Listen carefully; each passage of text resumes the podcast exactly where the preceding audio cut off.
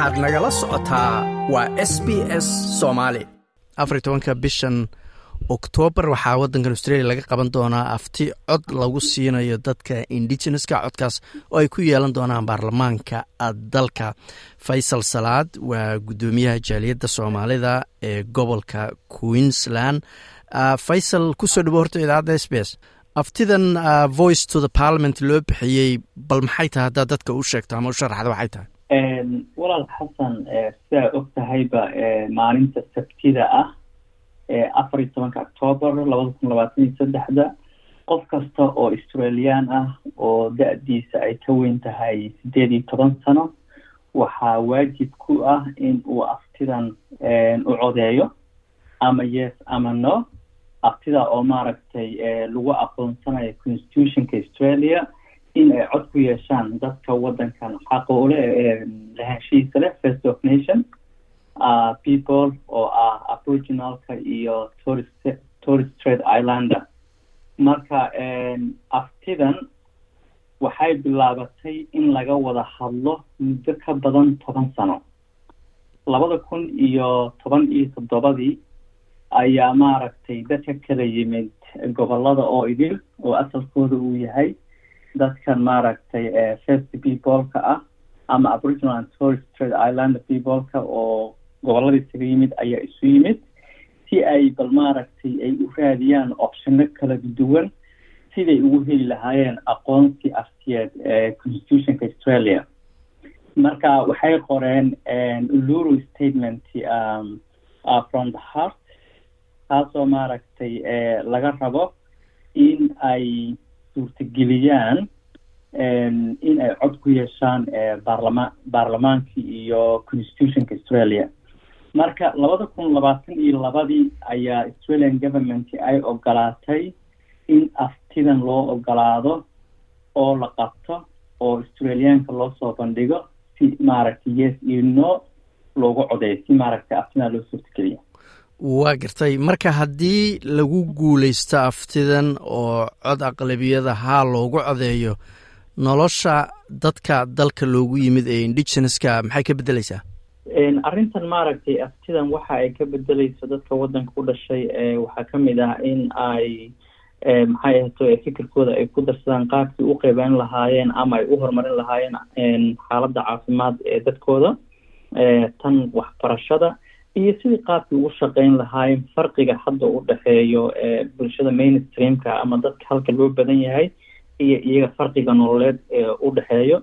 Sidoo kale aftidan waxay siinaysaa dadka u dhashay waddanka in ay ku yeeshaan cod muuqdo oo firfircoon oo maxay ahaytoy ay go'aamadooda masiiriga ah ay wax badan kaga darsan karaan ama ay ay maaragtay ay ay ku yeelan karaan say fiican oo oo sida iyaga ay rabaan wax loogu qaban kara aftidan waxa weeye waxa la codeynayo in la sameyn doono group ama body ama maaragtay urur matalo dadka ka soo dadka ka soo jeeda dadka indigeneska ah kuwaas oo maaragtay cod ku dhex yeelan doono in ay wax ka yidhaahdaan bolisiyada ama decisionada dadkooda saameynta ku yeelan doono.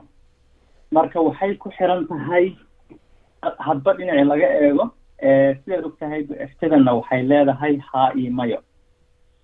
Marka waxaana jiro maaragtay labada dhinacba warar kala duwan oo ka hadlaya faa-iidooyinka iyo maxay ahaytoy iyo kuwa kale ee ka soo horjeeda ee khasaaraha intaba.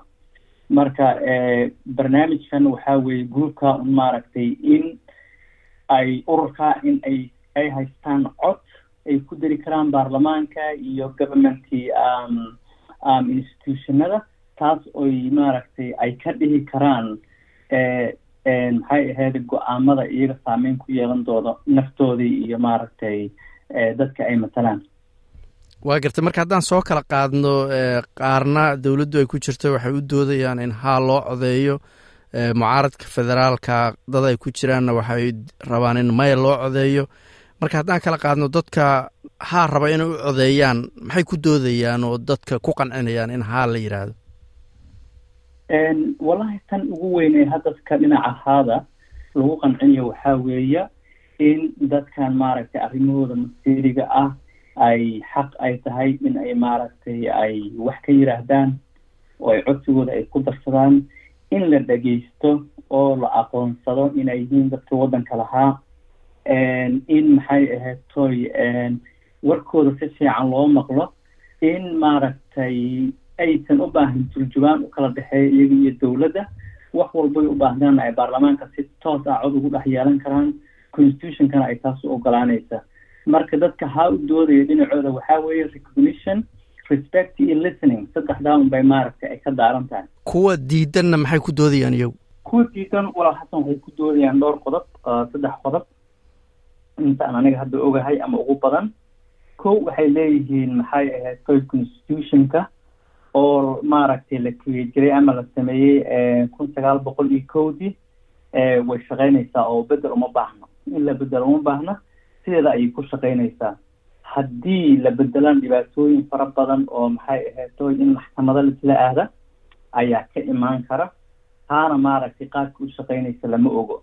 Sida ay leeyihiin marka waxay noqon kartaa wax waddankaba aan u fiicneen. Midda kale waxay ku doodayaan in waddanka uu noqon doono iyaga iyo annaga oo taas keeni doonto kala qaybsanaan. Waxayna dareemayaan haddii group ka mid ah gruubyada waddanka degan ama waddan kale gooni iyaga cod gooni loo siiyo dadka kaleeta inaysan haysanin maxay ahayd fursad taasi la mid ah. Midda qodobka saddexaad oo inta badan ay ku doodayaan waxaa ka mid ah in ay barnaamijkan ama codkan laga soo diyaarinin information ku filan oo dadka ay maaragtay go'aan sax ah ay ku qaataan. Tusaale ahaan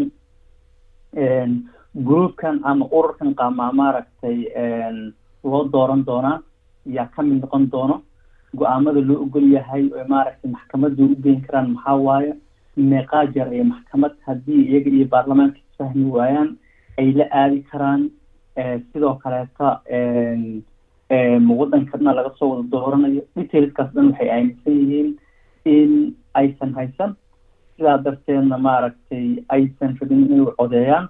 Wax aynan ogeyn maxay ahayd informationka ku saabsan oo idin waa garta marka faysalow macluumaadkaas iyo dooda ka taagan aftidan soo socota muhiimad intee la eg bay u leedahay dadka soomaalida inay la socdaan ka warqabaan si ay go'aan markaasi uga gaaraan dhanka ay u codayn lahaayeen. Run ahaantii horta codkan aada iyo aada ayuu muhiim u yahay. Marka koowaad waa qasab in la codeeyo midda labaad dadka soo galootiga ama soomaalida ah waa muhiim in ay sameeyaan codeyn ku salaysan informed decision. Waxa ay si fiican maarata isaga eegeen oo ay og yihiin waxay u codeynayaan waxa ay tahay.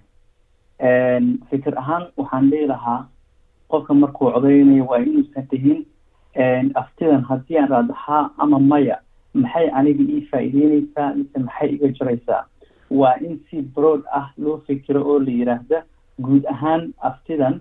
Labada dhinacba kii la yidhaahdaba maxay dalka u taraysaa marka waxay ku xiran tahay dadkeena fikirada waa la kala duwan yahay. Waxaa laga yaabaa qofba in uu maaragtay dhinac yahay. Waxaa laga yaabaa informationka uu qofka akrista iyo qaabka u fahmo. Marka laakiin waa arrin muhiim u ah bulshada ku dhaqan waddankan australia waa arrin maxay ahayd culayskeeda leh oo loo baahan yahay si fiican in maaragtay qeyb looga noqdo? Faysalow adigu ma go'aansatay dhanka aad u codeynaysid run ahaantii barnaamijkan maalintuu bilowday ilaa maanta si fiican ayaan ula socday. Laakiin marka ay noqoto aniga dhinacan u codeyn lahaa.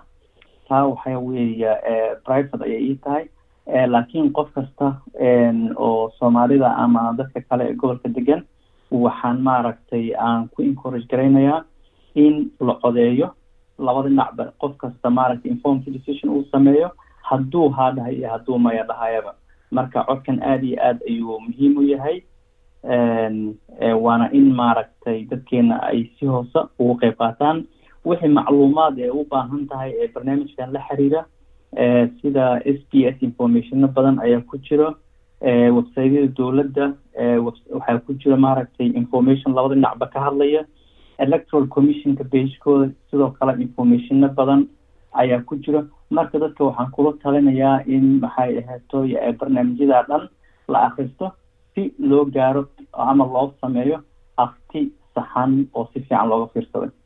Kaasina wuxuu ahaa faysal salaad oo ah guddoomiyaha jaaliyadda gobolka queensland ee soomaalida ma doonaysaa sheekooyinkan oo kale? Ka dhegayso apple podcast google podcast spotify ama meel kasta oo aad bodkastigaaga ka hesho